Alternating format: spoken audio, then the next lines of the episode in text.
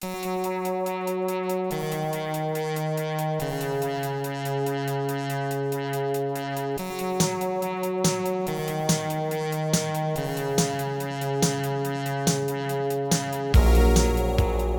to First Draft with me, Sarah Enni.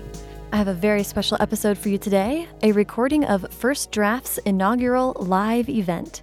On October 30th, Marie Lu, Margaret Stohl, Anna Carey, and Kali Wallace got together at Vroman's bookstore in Pasadena to talk about scary stories and why we love them. I moderated the event with the help of Elissa Sussman, and it was a complete and utter joy. Okay, what are we waiting for? Let's get to it.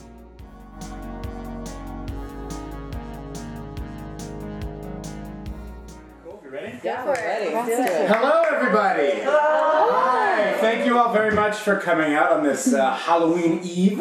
Uh, we're very excited to have you and this awesome panel. We are very happy to have uh, First Draft Live with us tonight. And. yes. And um, I would like to introduce the hosts of First Draft Live, Sarah Enni and Elissa Sussman. Hey guys, how's it going? So great. Good. So this is First Draft Live. It's the first live event for the First Draft podcast, and that is uh, available on iTunes. There's over 50 interviews that are already on there with these lovely women and many other people, so you can check that out. But the live event is going to be super cool. You're all going to help us do this first thing. It's going to be great.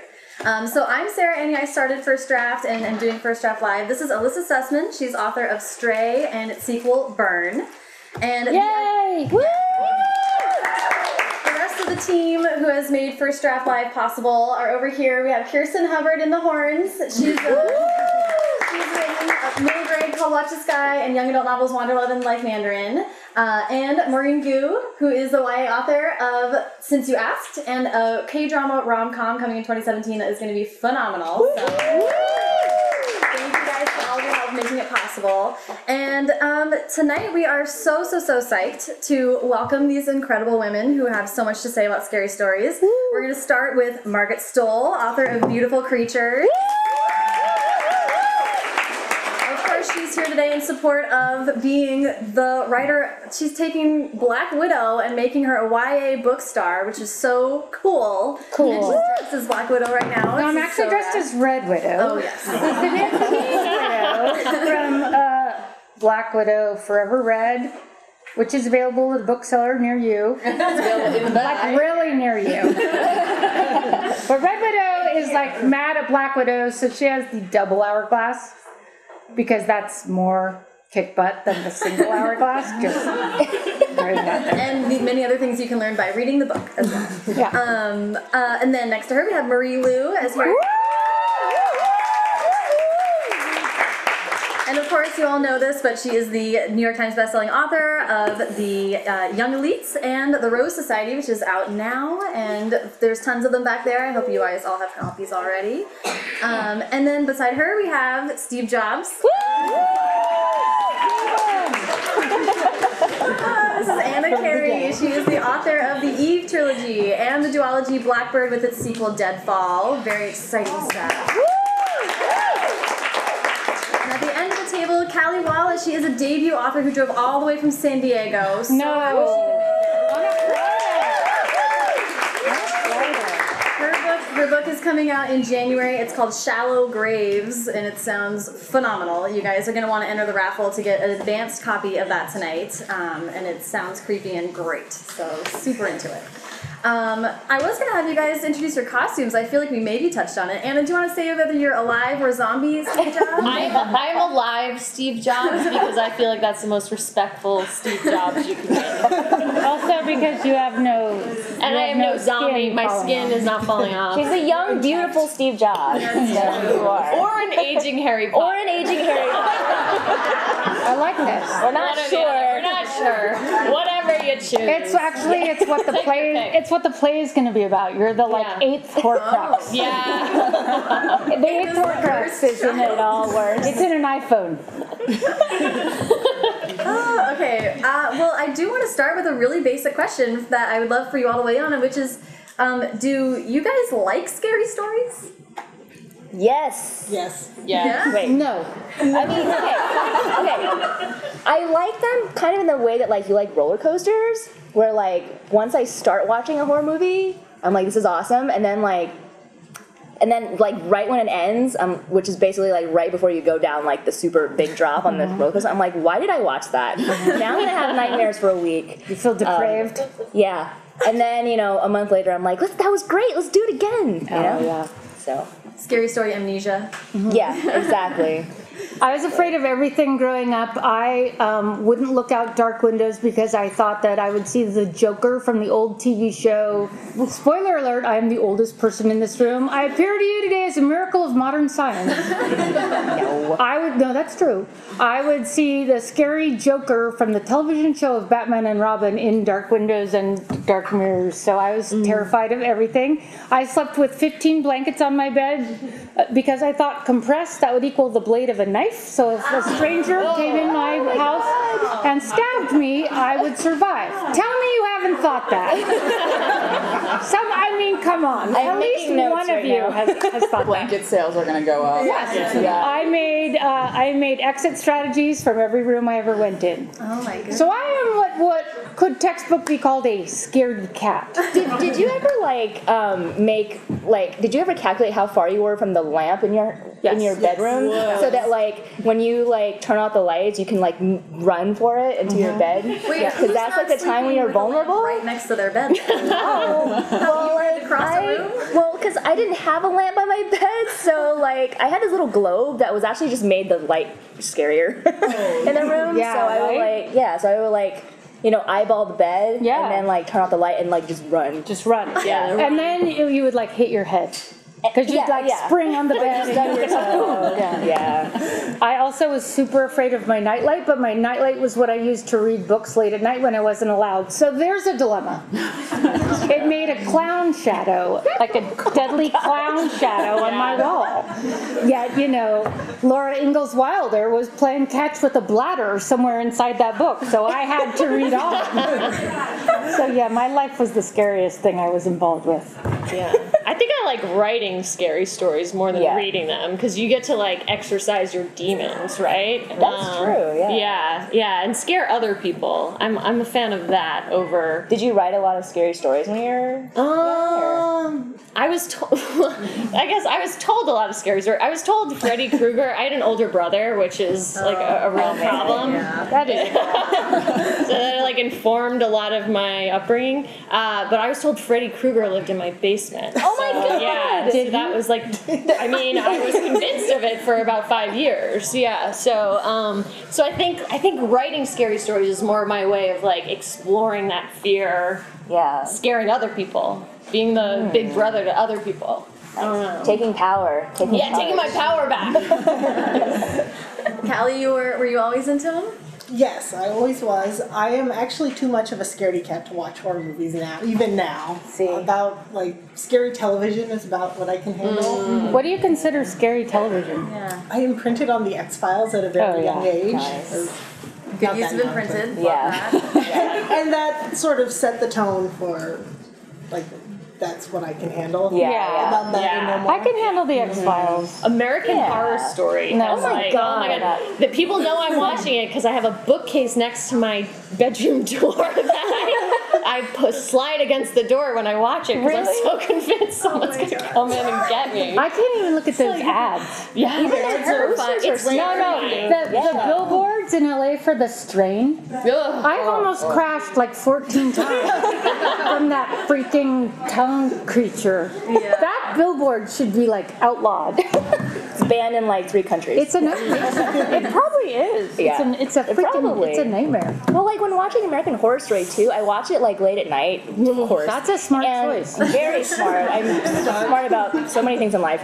Um, and I'm always watching my husband, and my and my husband's always like, "All right, we're doing this. We're watching this together." And then he falls asleep in like the first five God, minutes. yeah. So I'm just left to watch the episode by myself, and, and I'm like, by the end, I'm just like Yeah. scared out of my pants. And um, and the credits start rolling. He wakes up. He's like, "So what happened?" And I have to like explain the whole horrible episode. And he's like that, and then he says that doesn't sound very scary, and you go, ah! And I'm like, I'm gonna kill you right now. And like tomorrow night, and then he falls asleep again. But I don't think that people babysit as much nowadays. And if you never were a babysitter, Oh, Oh, Oh, yeah. like too young of a babysitter, maybe like at 14 babysitting the neighbors, you don't really know what it is to be scared. yeah, the, I'm calling from inside the house. Yeah. it's like that. that even your line house. was echoed in my Also, head. you have no business being responsible for other lives, and they're there in this slightly creepy house anyway, and you've kind of been committing crimes all night, right? Because you've been like, wait, secretly eating their food. Well, you've been like eating their food, and you didn't know like what you were really supposed to do, but you were like, you were definitely browsing through all the shelves and cupboards and things, and you were checking out to see what scandalous books were on the shelves. Mm-hmm. I mean, that's what we did. That was babysitting. And then to like watch something scary while you were babysitting, that was like Terrifying, You could have had a heart attack. Yeah. that's true. Yeah. So true. Okay, well, to go off of what Kali was saying about X Files, what what were some of your favorite scary stories from when you guys were young versus now? Like, What what's the comparison? Oh my god, I still have that book cover imprinted in my memory. Scary stories Yes. that you tell in the Oh, dark. yes. Yeah. That like hell the, covers. the head with the the head. They, no, no. The, the one, they're all like urban legends. Scary stories are from camp and the playground, but it's like the girl who takes, pulls the ribbon off her neck oh, and the head falls off. And then also someone who steps, like who makes the pentagram circle and don't step out of the circle, and then they step out of the mm-hmm. circle and just like the dread of stepping, Yeah. stepping out of the circle. God, those. But it was like it really was those those that art, you know, Yeah, that just art. freaked me out. Stephen Gammell, I think, was the name of the artist, and like, and I think like because I was so scared by those pictures You're that like, I I googled find and I was like, guy is. I'm like, I'm gonna look up Psychopath. every single one of his pictures, so I know nev- not to look at them anymore. Um, I I've been devoting my life to studying you so that I don't ever know anything about you. I got it. Another great choice. great choices in life. It's like um, knowing the exit. If you know that he's going to be somewhere, you know not to be there. Right. Mm-hmm. He is Did you definitely on Google.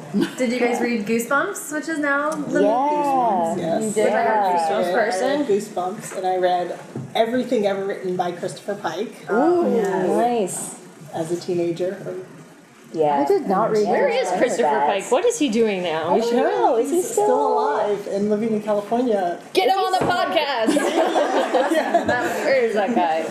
But I don't know if he's still writing books about terrible things happening to teenagers, which is I have very, very like deep memories of some of the Goosebumps books where like um, I don't remember which one it was, but there was like one about like Halloween and this like boy who wears this mask and then he can't take it off and it's like Yes. and it slowly I gets stuck on his face. You remember that? yes. Oh my god, that gave me nightmares for I don't even know how long. And that's Clearly the, I still the remember art, it. The art that I can't. Yeah, forget. that Yeah, cover that cover. scared me too. Yeah. And there was like the piano hands one. Remember that one? No, what happened to Piano Hands? I don't even remember, but the cover had like these dismembered hands playing a piano, and I don't remember what the plot for that was, but that was basically all I needed to see.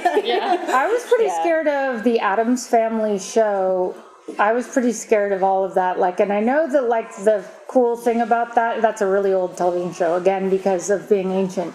But um, part of the thrill, right, of scary things is surviving them.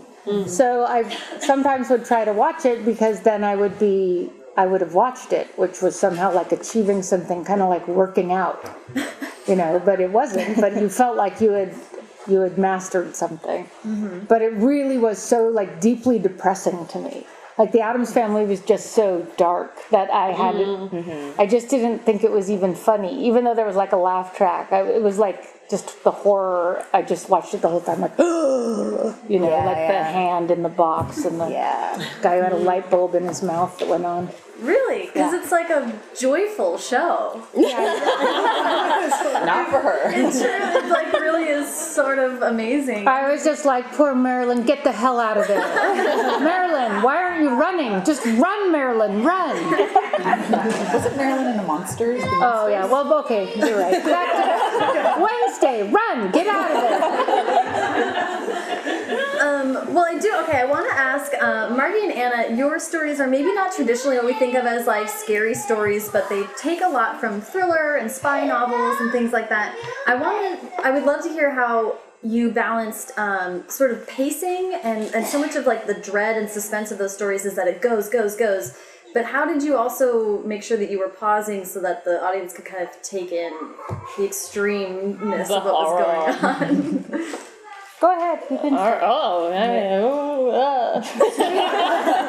You said um, scaring people. Yeah, I feel like I, I was thinking about this question before, and I like I think it's more a matter of a, more of a matter of like when's the last time I had like a crazy chase scene where something terrifying happened, and if like a certain number of pages have passed, then it, it needs to happen again. you know, um, I think there's always like those moments where the reader's catching their breath. Um, but for me, like like and especially she's talking mostly about blackbird which is a book where the main character is being chased most of the book and people are after her and trying to kill her. Um, and i feel like that feeling of being chased is so visceral.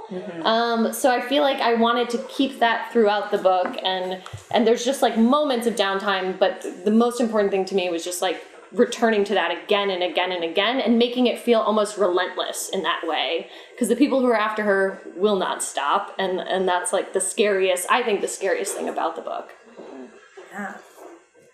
I think it's true. I think that uh, with Black Widow, which is you know from the Marvel universe, from the Avengers and all that, you knew that, and I knew going in because I'd been working with Marvel. I knew all of these like terrible and difficult things that were going to happen.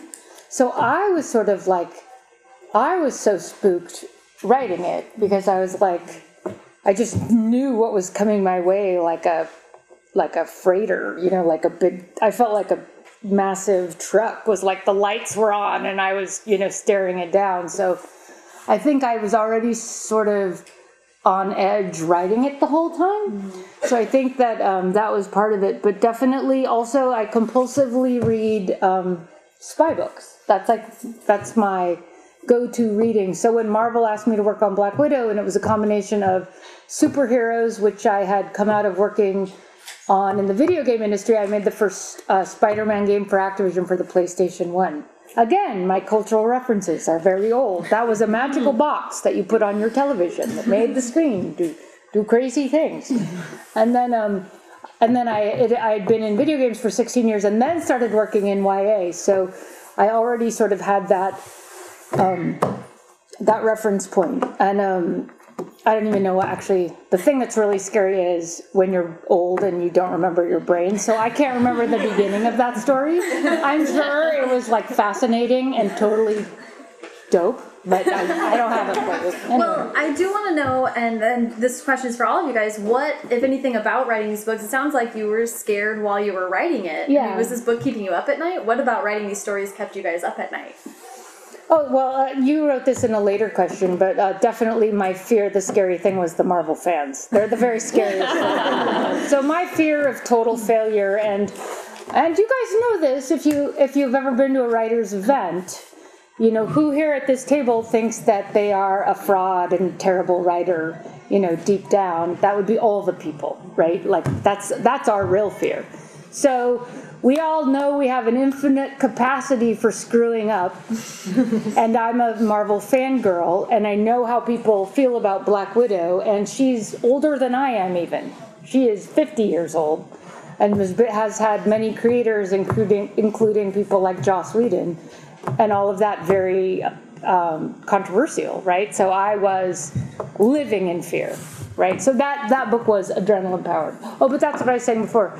That it was the combination of me loving superheroes and loving spy novels that made this my perfect um, book. So I really wanted it to do w- well. I wanted to do well by it, but I did not care. It wasn't because of my job or my bosses. It was 100% for the fandom. What was your gig?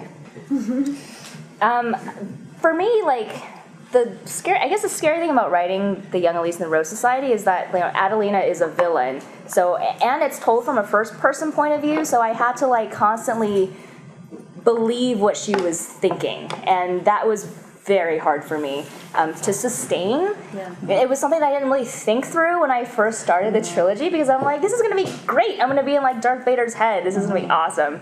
But then I realized, like, no, this is gonna be for like three years. I will be in his head. Um, so, it, I, like, the, at the end of every day, I'm like, oh my god, these like horrible things that Adelina has thought or done or whatever. It's all um, you, I have baby. to like, yeah, I know. I'm like, where is this coming from? And I have to like purge it out of my head. So it was hard to to wrap my head around that. I just turned in like the first draft of the third book, so I'm like slowly hitting like the end of her journey, but it keeps getting darker because she keeps getting crazier as the series goes on, and and so it's like like my husband Primo can always tell when I've had like a really dark chapter happen. Now he'll come home and he's like, "Are you okay?" And I'm like, "I'm fine." I'm like in the corner with like my bat. Um, but, but, um, Fine, this is your trouble now. but yeah, so Do you feel do you feel dark like are you more of a villain now? um, Have you had to recognize more of your You're the infinite nicest person in the world. No, but have you like have you had to reckon with some personal infinite capacity for evil? I feel like I get Be some of it a little bit more. this is gonna sound like I'm a horrible person. I'm just like I feel like I get Adelina a little bit more as I'm writing her. Um, at first, I was like, oh my god, she thinks some like really twisted things, but like I, I, I find myself feeling sorry for her, which sounds crazy because I'm the one putting her through all this. Yeah. Um, but yeah, sometimes I feel like you know everyone's like the hero of their own story. We always think that we're like the one who's right, and we just can't understand why everyone else does not see things the way we do. And um, so it it really is very subjective, and and that was like a that was an interesting thing to explore, I guess. A little disturbing, a little unsettling, but yeah. Yeah, I think the more you write villains, the more you're writing damaged characters as opposed Yeah. to bad, char- like Yeah. bad people. You know, you're Yeah. just writing more, more people who have just are coming from a warped and dark place Right. versus like y- you see it more in the grays as opposed to like yeah, good person. if you want bad them to be interesting, rather than Yeah, uh, yeah, totally. Plot device that makes bad things happen. Yeah. Well, it's really hard to actually write someone who's just bad and not interesting because Yeah. it's then they're boring Yeah. and boring and then they bore you, bad. yeah, and then you're like, meh, meh, meh, meh, meh. And it's just like I guess it's uh, like when you write villains, you know, your own villains. It's just like it's scarier when they make sense. You know, like the things are said. You're like, oh, what was that guy from um, um, the um, the movie with the um, oh god, Watchmen.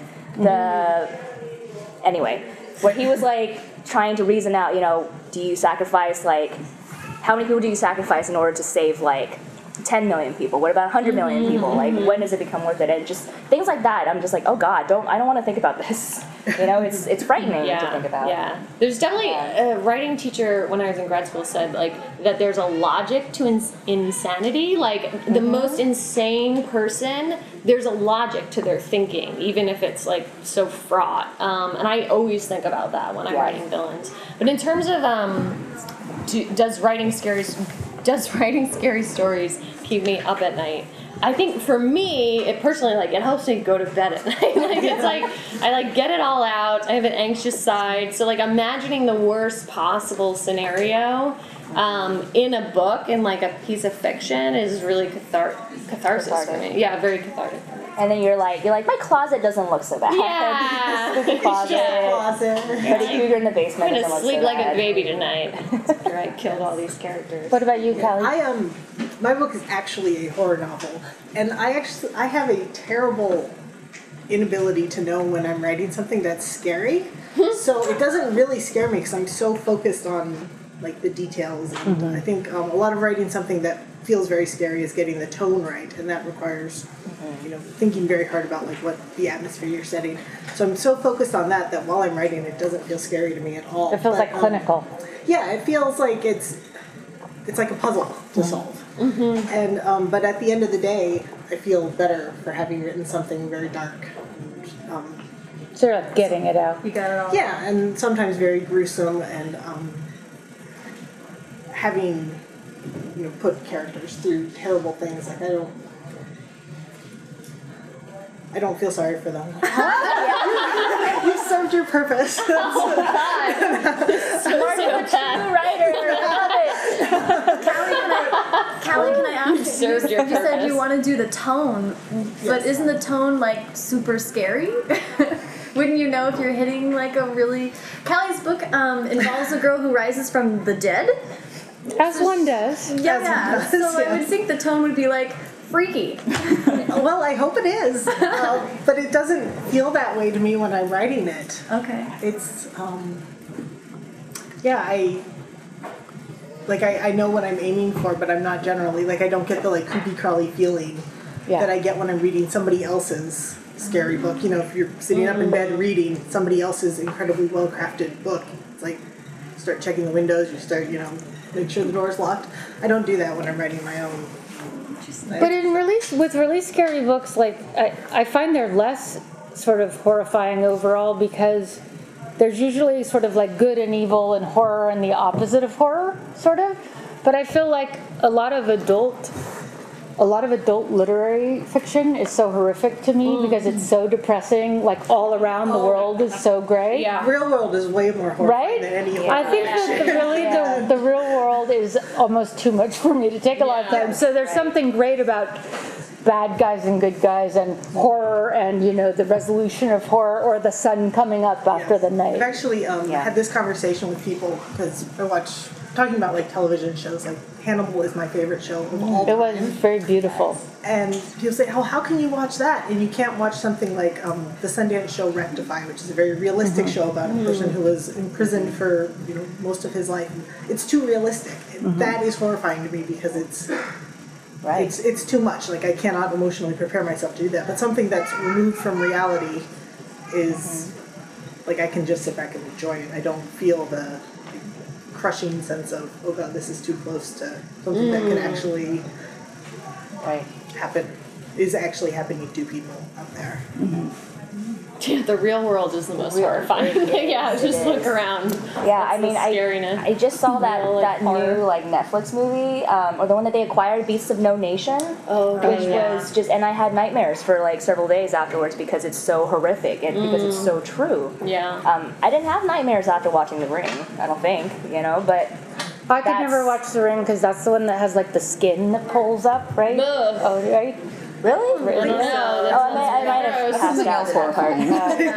I don't know. I might have, yeah. For me, it's Maybe just visual images. So like I'm Yeah. fine with Hannibal, but when they like fillet a person, then I'm like, oh, oh, you know, like what that's sticks what in your head, sticks. right. Yeah. So I, yeah, Well, sort of going off of that, fillet, the fillet. Fillet. in horror and suspense, there's often a theme of violence towards women, especially young women. Yeah. Um, so how do you how do you guys approach female characters in a genre that usually paints them as victims? You write, kick, you write butt kicking characters who are strong, who don't like in in the in uh, comics. It's called the you know it's like the woman in the refrigerator and the woman in the freezer, where a woman exists to be the thing that gets cut up and put in a freezer, right?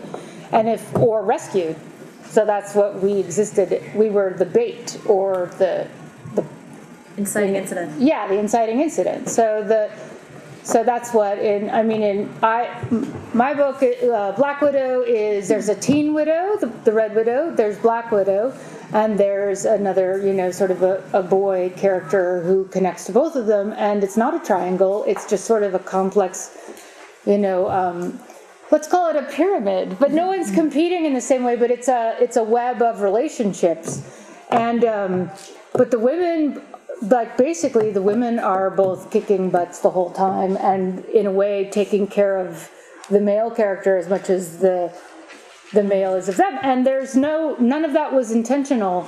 But i always say i write strong women characters because all the women i know are strong. I write smart teen characters because all the teens i know are, are smart. Mm-hmm. And so we like this is the thing they always say about getting women creators when you put us in a situation where we're going to do the thing we naturally do or st- or tell the stories we naturally sort of believe or can tell believably they're always going to be different because that's not how we experience you know the world Yeah. and i don't know very many women who would put the woman in the freezer to conform to genre we would just we wouldn't come up with it we'd come up with a better way to do that Yeah, I don't think I've ever read a story actually written by a woman with that kind of character. It just wouldn't, or it doesn't occur, to me. At Yeah, least. I think it's a you construct it's, created, It's yeah, a construct created by, by, you yeah, know.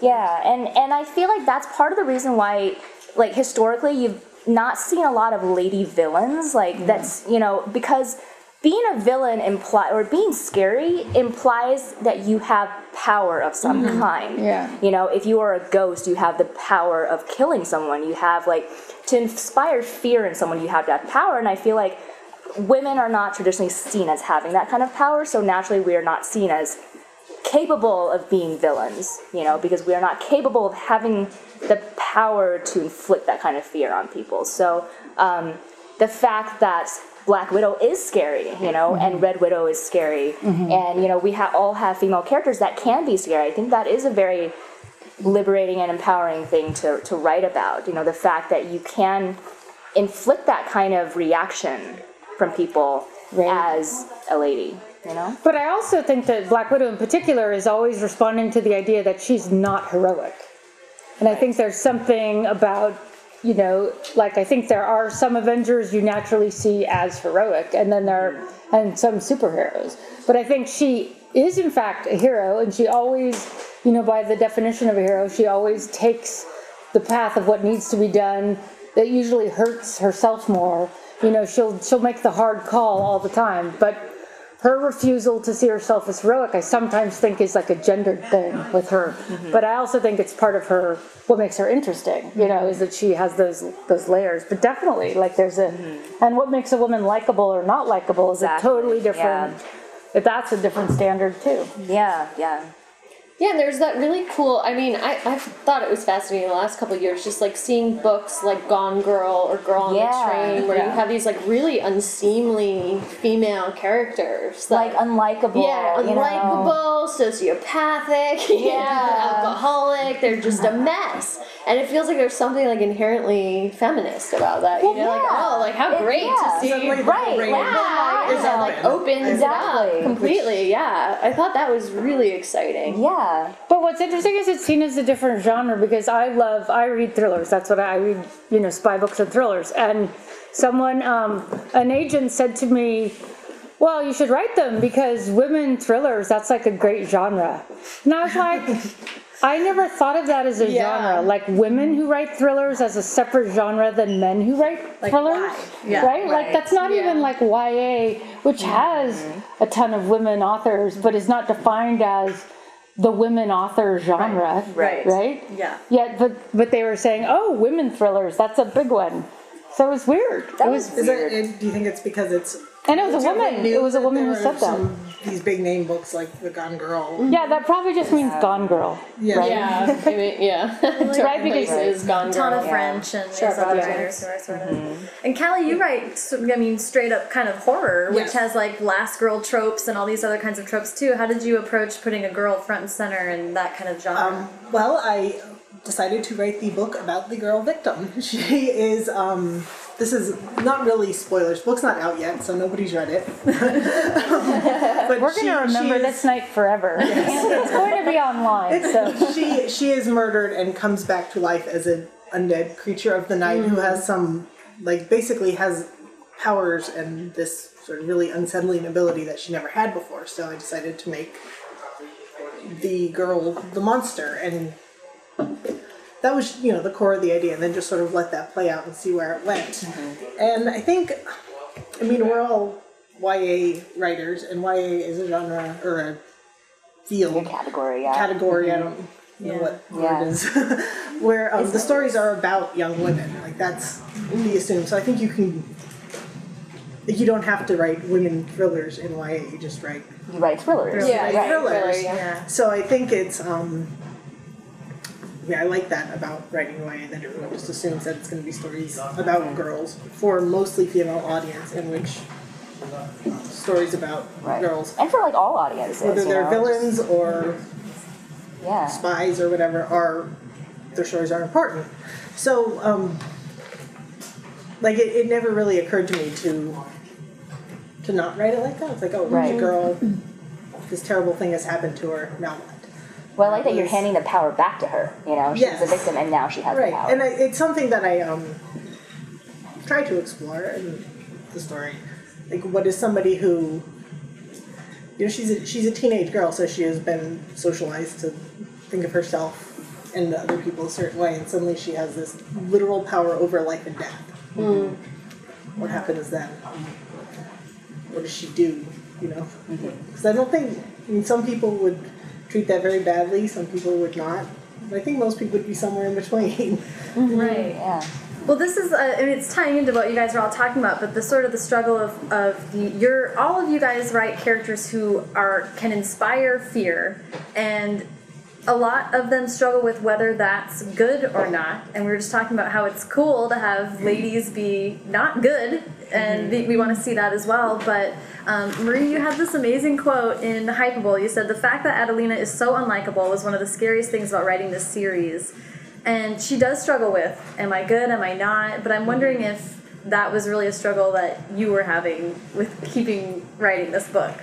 It was, yeah. It was a struggle from when I first created the story too, because originally it was not about Adelina. She was like a side character. It was about this person who was like very good and very kind-hearted and ultimately very bland. so when I switched it around, um, I was warned from the very beginning. They're like, she is too unlikable. People are not going to read this book, and I was very, very scared that it, her story was basically over before it ever started. That no one would want to be want to follow this story about a girl who is mean. You know, um, just because it's not really. I don't know. Why did you want to follow it? I don't. I'm not sure. I just thought. I remember, like when I switched the story around, it was because I turned in my original story to my agent, and my agent read it, and my agent called me back, and she's a wonderful person, by the way, totally awesome. But she called me back, and she does not sugarcoat when she doesn't like a manuscript, and she told me straight up. She's like. Um, verbatim, when you sent this to me, did you think that it was good? Nice. Yeah. My god. I was like, That is awesome. I'm. and what's the answer that? You're like, Yeah, I was like, yes, well, no. I'm well, is there anything? You're like, psych, that's a fake manuscript, send in the new one now. so glad you got my joke. I worked for I'm nine months on that doing joke. now. I hope you really liked it. it was an elaborate setup, but you know, I knew the payoff would be great. Yeah, so I started. So so I asked her. I was like, you know, what um, did you actually like about this story, or should I just like become an accountant or something? And Kristen was like, well, I liked your villain. Um, you know, can you tell me more about her? And I was like, oh yeah, you know, I had a lot of fun writing her. She was really just. I feel like villains are just fun to play with, and you know, I've always liked villains like Darth Vader, Magneto. They're just fun because they're so twisted and weird um, and fascinating. So, um, so I was like, well, I hope if you give me another chance to write this story, that I get to keep her in there. And Kristen sort of like half jokingly said, she's like, well, maybe you can just make her the main character. Um, and that was what made it click for me. And originally, I was just like, oh, that sounds fun. Yeah. Uh, and then as I was writing it, those those insecurities and fears started creeping in of like, you know, is anyone actually going to read about her if she becomes like this horrible person? Um, so, so yeah, I was very intimidated. Well, and it's interesting, and especially the Darth Vader comparison, because they made three whole movies about how Darth Vader is uh, became not a good guy, and then three Right. more about how he continues to be a terrible guy. it's not really about whether he's good or not. That's not what's interesting. You know, Right. what's interesting is is what he is and why, and um, so I'm glad that you made Adelina the main character because she is delightfully. Well, I'm, I'm no spoilers, but she's not great She's a little crazy. to everyone all the time. And she's really fun to read about. Um, so um, we just really quick. I want to just ask why you guys think kids like scary stories so much, and then we're gonna take a couple questions, handful from the audience. But why do you think teens and kids love scary stories? Why do you think that is? I think people like to feel things, and I think that um, sometimes the adrenaline rush of a scary story is something that it's such a universal feeling. I mean, it's and it's it's not a judgment. I mean, it's just about kind of a sort of an, an animal level response to a situation. So there's something sort of un, uncomplicated about it. But I also think those books are like a dare.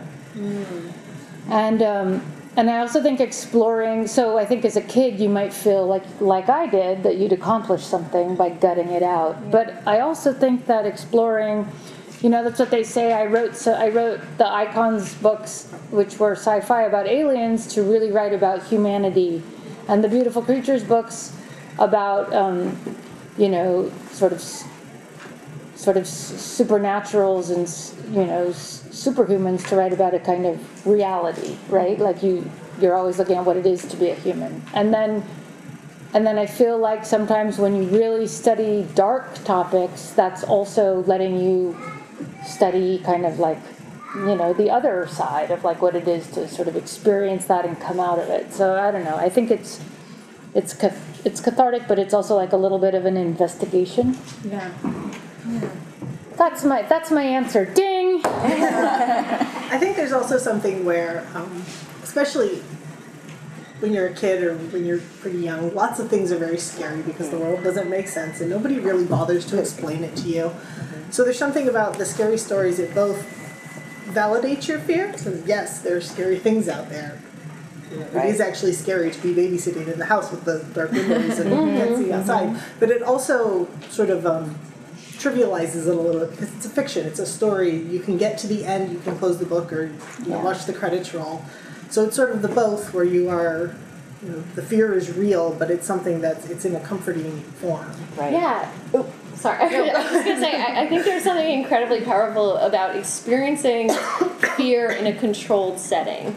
Um, and I think fear can be really nebulous, and it almost always goes unspoken. And so there's there's fears like, oh, I'm afraid what these people are going to think of me. I'm afraid that I'm I took the wrong job. I you know went to prom with the wrong person, or like whatever. I chose the wrong Definitely, college. you definitely you know? went to prom with the wrong.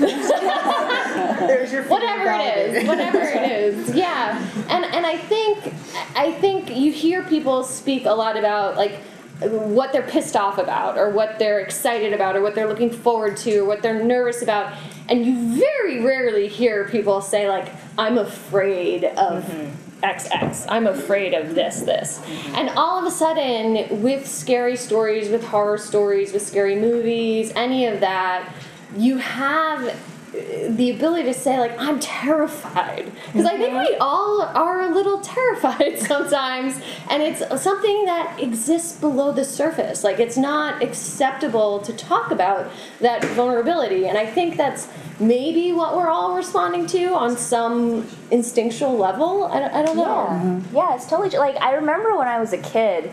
Um, the things that I was afraid of. Sometimes I would be a little embarrassed by it, you know, or like I, like I'm still very, very afraid Like what? of the um, like open water, or like when you're in the ocean and you're like, and you start seeing that transition of like you can see the bottom to like this kind of grayish space and terrifying. yeah, and then you know, and then I watched a movie like Jaws when I was a kid. I was Okay. like, ah, validated. I was so there afraid. scary of- things in the water. I was so afraid of Jaws. I could not dangle my feet off the couch. That's a true story. you never know how far that shark can reach. I just, you know, like there's not a lot of difference Yeah. between dangling wherever you're dangling. Or like It feels the same. Like like clowns, you know. I'm like, it's a clown, but then you watch like this, it Stephen King's It, and you're like, see, I knew there was something wrong with this. I was terrified. I was terrified of my swimming teacher because he had a mustache.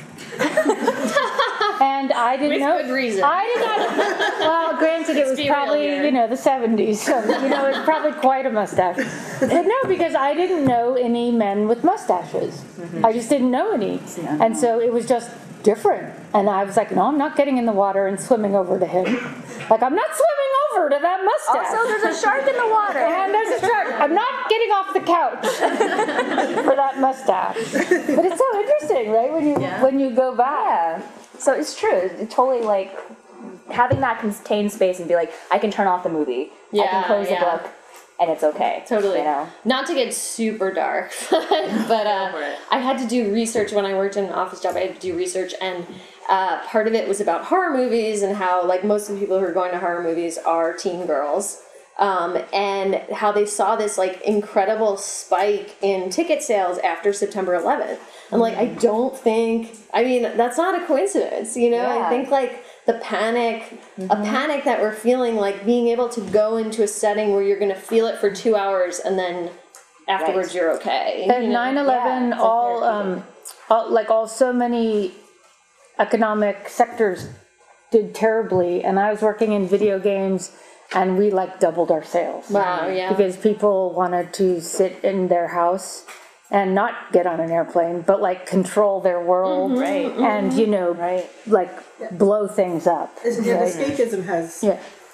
people when they talk about es- escapism usually dismissively they're talking about like oh imagining you know mm-hmm. Living in a medieval fun times land and you know being a knight or whatever but there's the dark side of it too where you are exploring something that's unsettling frightening and stuff but you're still it's still a few degrees off from real life Right. so it is still it's escapism but it's not It's not real life. it's not real life and for that controlled space you're not trying to reassure yourself that comes later Yeah. Okay, so I think we're gonna do some audience questions. Great. So, We have a few. any anyone got a question for? Also, how do you feel about you know couches, mustache? I don't anyone feels good about How many blankets? How many blankets are on your bed? You Okay, know, so I see a- how many a- inches? A gentleman Yes. waving, waving the hand. Oh, Can you, can you stand up and just be real loud with your question? Molly. Go for it. Um, this is from Uh, for um, Adelina and all the other Daggers, first off, why, what made you choose to give them their powers and their abilities and their marks? And then second, why did you give each one their specific power? Like what you like, what made you specifically give this person this power? Um, so the question was for for um, in the young elites um, in the Rose Society, like how did I go about and choose how to like what powers to give each um, person, and then like why they have that power. Um, the the system is very much based on like almost like a zodiac or like your personality, your emotions. Uh, in this world, there's like 12 gods and goddesses that all align with human emotions of some kind. So there's fear and there's fury, um, compassion, and um, uh, and so on, like love and so on. And so when you are um, a person who has powers, you like you tend to be very pronounced in certain areas. So it's kind of like what do you align with? And so Adelina aligns. So I went around and like cre- basically like once I defined each character's personality, I went through and I was like, okay, what kind of power would align with that kind of personality? So like Adelina aligns with fear and fury and ambition um, and passion. So I was like, well, you know, fear kind of creates the strongest illusions to me. You know, like when I'm afraid of something, like my closet looks really scary, even though I know it's just like my clothes in there. Um, so I, I feel like that, like that was why I gave the power of illusion to Adelina. Um, Raphael is a character who um, can identify with others really easily. He's very sensitive to others' um, moods and their emotions, and so therefore his power is that he can sense other people's powers. So that was kind of like the the kind of rough way I went about that. Yeah. Awesome. We have another question. Okay, way in the back. Go ahead and stand up and shout it out. Um, I know a lot of people ship Enzo and Adelina and um, uh, Raphael and Adelina, but would it be like a love connection between Adelina and Terry? Shipping. Um, Adelina and Teren. Well, I guess they're both crazy. Um, like Teren, maybe slightly more so for now. Um, I, I guess that would be a really it's it's a ship. I it's a legitimate ship. Um, it's a bit of a crazy ship. They I don't know what that. All yeah, ships are really ship crazy. sailing through black waters. I guess. Yeah, dark waters. Yeah, go ahead. Um, do you have any advice to young writers? Um, Good question. Yeah, yeah. Advice for young writers is something actually I would love to hear from you guys too. Like I like the one that I um, tend to give is like when I first started writing, I would write like 50 pages of something, like three chapters, and I would be like, this is not good enough, and I would rewrite it and rewrite it and rewrite it, and just turning my wheels in the mud until I got tired of that story and moved on to a new story and wrote 50 pages of that. And so I had all these like 50 page, half finished novels. Um, and the thing is, when you first start off, you can't write a perfect story. It's just not going to happen, and that's okay. Every draft I've ever written is like total crap, and it's fine. Um, No, she was saying that last like, week. She was yeah, like, "Ah, I'm literally last week, I just crap." turned in like a draft along with an apology letter to my editor for having to read my first draft. Um, I think in the beginning, quantity over quality. Like you want to be able to finish your story because Yeah. then you have something to work with. Then you can go back and like tear it up and add things in and take things out. Um, so I mean that was probably the first and most important lesson I learned as an aspiring writer. Learning how to finish something is a totally different skill than learning how to write, a, you know, write something beautiful. And you can't do anything until you learn how to finish. And I, my, I originally wrote my first book because my middle school daughter laughed in my face when I said I was going to write a book with Kami Garcia, her teacher. And she said, "You won't do that. You never finish anything." And I said, "Oh, it's on. You're going. You're going are going all the way down." And I basically called Kami Garcia and said, "You know that thing we said we were going to do, and we totally were not going to do. We are totally going to do that." and she said, "I'm a teacher." People call me the Punisher. I do everything I say I'm going to do, right? and I, Good Kami it's true.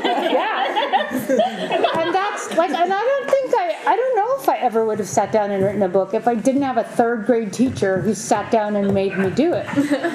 and you know, my kids, and if I, and I did it to prove to my daughter that she was wrong and I was and I could do it and that was what I cared about and we did not have like a publishing plan. We were not writers like that was not going to happen. While I was I made video games. But um, it was the thing I wanted most in the whole world and I was too chicken to do it. So one piece of advice is don't wait till you're super old like a fossil to do the thing you're most afraid of doing because that you know like especially kids and teenagers today, and really anyone today, you've never had more platforms. You've never had a bigger voice. I say this when I speak at Marvel things all the time, but you guys are like, you're not just the voice, you're the hammer. Like, if you don't think everyone is paying attention to what you say online, you're nuts. I mean, even authors who you just are like at talking about them, they- they're probably reading every single thing you write about them because it's hard not to. And so you you guys have a big voice and you're out there. So you want to do something, do it. There is nothing stopping you. And you guys are like powerful. I mean, you're a powerful you're a powerful generation because you grew up having a voice. We didn't like we didn't really have that natural kind of amplification of what we were thinking. We didn't feel that we didn't feel that powerful when I was little, and we were cranking the automobiles before they before they would drive. So learn how to finish. There might be a great thing on the very last page of your 300 pages of Marie's crap or whatever. You know, whatever the doc is. and and that will, you know, who knows? The very first thing I sat down and wrote it. We I it took us 12 weeks, Kami Garcia and I. And at the finally, my daughter read it and she cried at the end, and I was like, "Yes, we won the bet. We made children cry, and it was awesome. We had no plan what we were going to do. We were going to put it up online um, so that more kids could see it.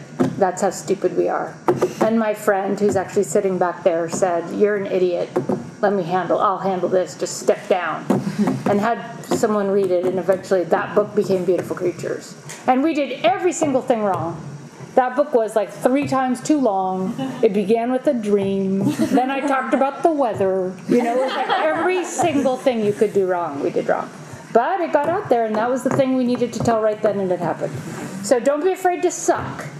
Okay, nobody sucks at everything, as I always say, unless you are a cephalopod or a pseudopod, which is an animal entirely made of suction. A large human suction cup. You cannot suck at everything. And even if you did suck at everything, you would by definition not suck at everything because you would not suck at sucking. So that's the thing. Embrace your inner, embrace your inner suck, and you you'll be fine. But just don't stop because you, like Marie said, you won't be anything if you if you stop. Yeah, my advice is not as great as that.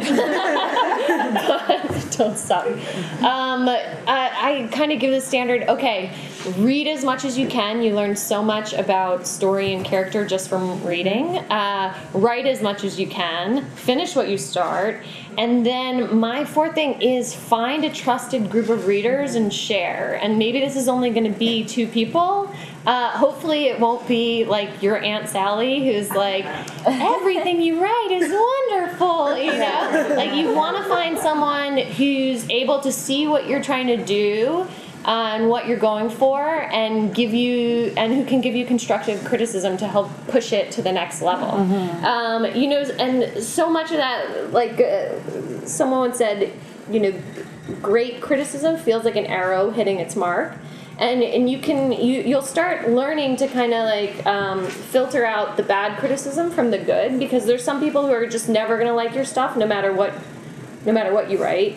Uh, and there's some people who are always going to love your stuff no matter what you write. And you kind of want that like in between voice of the person who can be discerning and who can help you get to the next place to the next revision um, but also be gentle and encouraging. Um, so if you can even just find one of those readers, that's a lot more than a lot of people have. But I do think sharing your writing is such a key thing, and finding a community of writers is so important. Um, we have a great community in the YA world, and you know I have a lot of friends who read for me still um, and help me with my drafts, and that's that's really important. I think just to re-emphasize what Marie said, yes, you, you have to be okay writing terrible first drafts to get it finished. And I think at some point you'll start to think, shouldn't I be better at this by now? No. you'll, never be better at writing a first draft. They're always going to be bad, but that's okay. But um, just another thing that I think, especially for young writers, that and is especially important now because there's so much talk about what people write and how you know what impact books have is you should try very hard to tell the story that you want to tell and don't listen to people who tell you oh nobody wants to read that. Nobody wants to hear your story. They want to read about this other kind of person instead. Don't listen to them. They that may be true like in their tiny little part of the world but in the big grand world it's almost never going to be true. There's always going to be somebody out there who wants to hear what you have to say because it's what you really want to say so i guess that's the main advice i have for young No, I think I think that was definitely true for me too because the whole beautiful creatures thing. We were writing a story. I mean, my my daughter, who was dared me, was reading it every day after we wrote it, and it was really telling a story, not writing a book. Mm-hmm. So we were telling a story to six particular kids, and that's another thing. By the way, it's a lot easier to write when you know who you're writing for. So it, that's the beauty of getting someone to read your stuff is then you have an audience, even if it's an audience of one. But I think that's really a huge thing. You know, there are a lot of t- pretend. You know, when you like talk to your friend and you get in a pretend fight about, you know, who's going to direct your movie, which one of you know, like there's a lot of pretend talking about books before they happen, but actually just focusing on telling a story rather than writing a book, you'll find like you really do do that for you and that's sort of cool. Mm-hmm. Like I think every first every writer will talk about their first book with a certain like love because you wrote that book for love.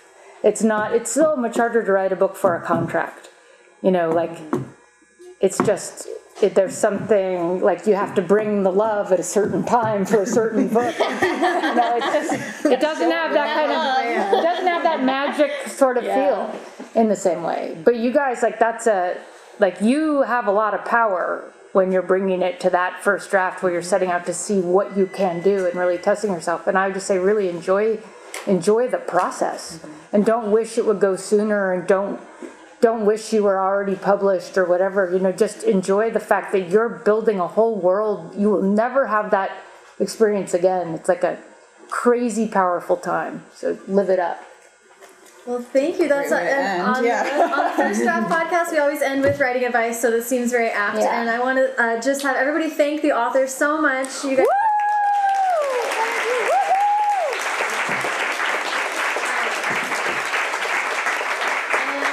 I want to just be sure to thank Elissa and Maurene and Kirsten who have helped put all of this together. And Vroman's, thank you so much for hosting. So where us. can these guys find this podcast online? The podcast is uh, on Twitter. It's at First Draft Pod. It's on Facebook, First Draft Podcast. It is in, in your iTunes. Search First Draft Pod with Sarah Enni. That's the easy way to get to it. E N N I. It's a weird name. No one else has it.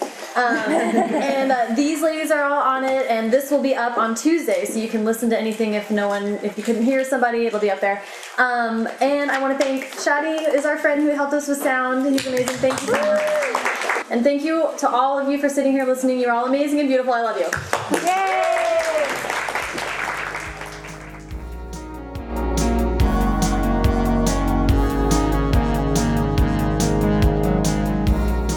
Thank you so much to Marie, Margaret, Anna, and Kali.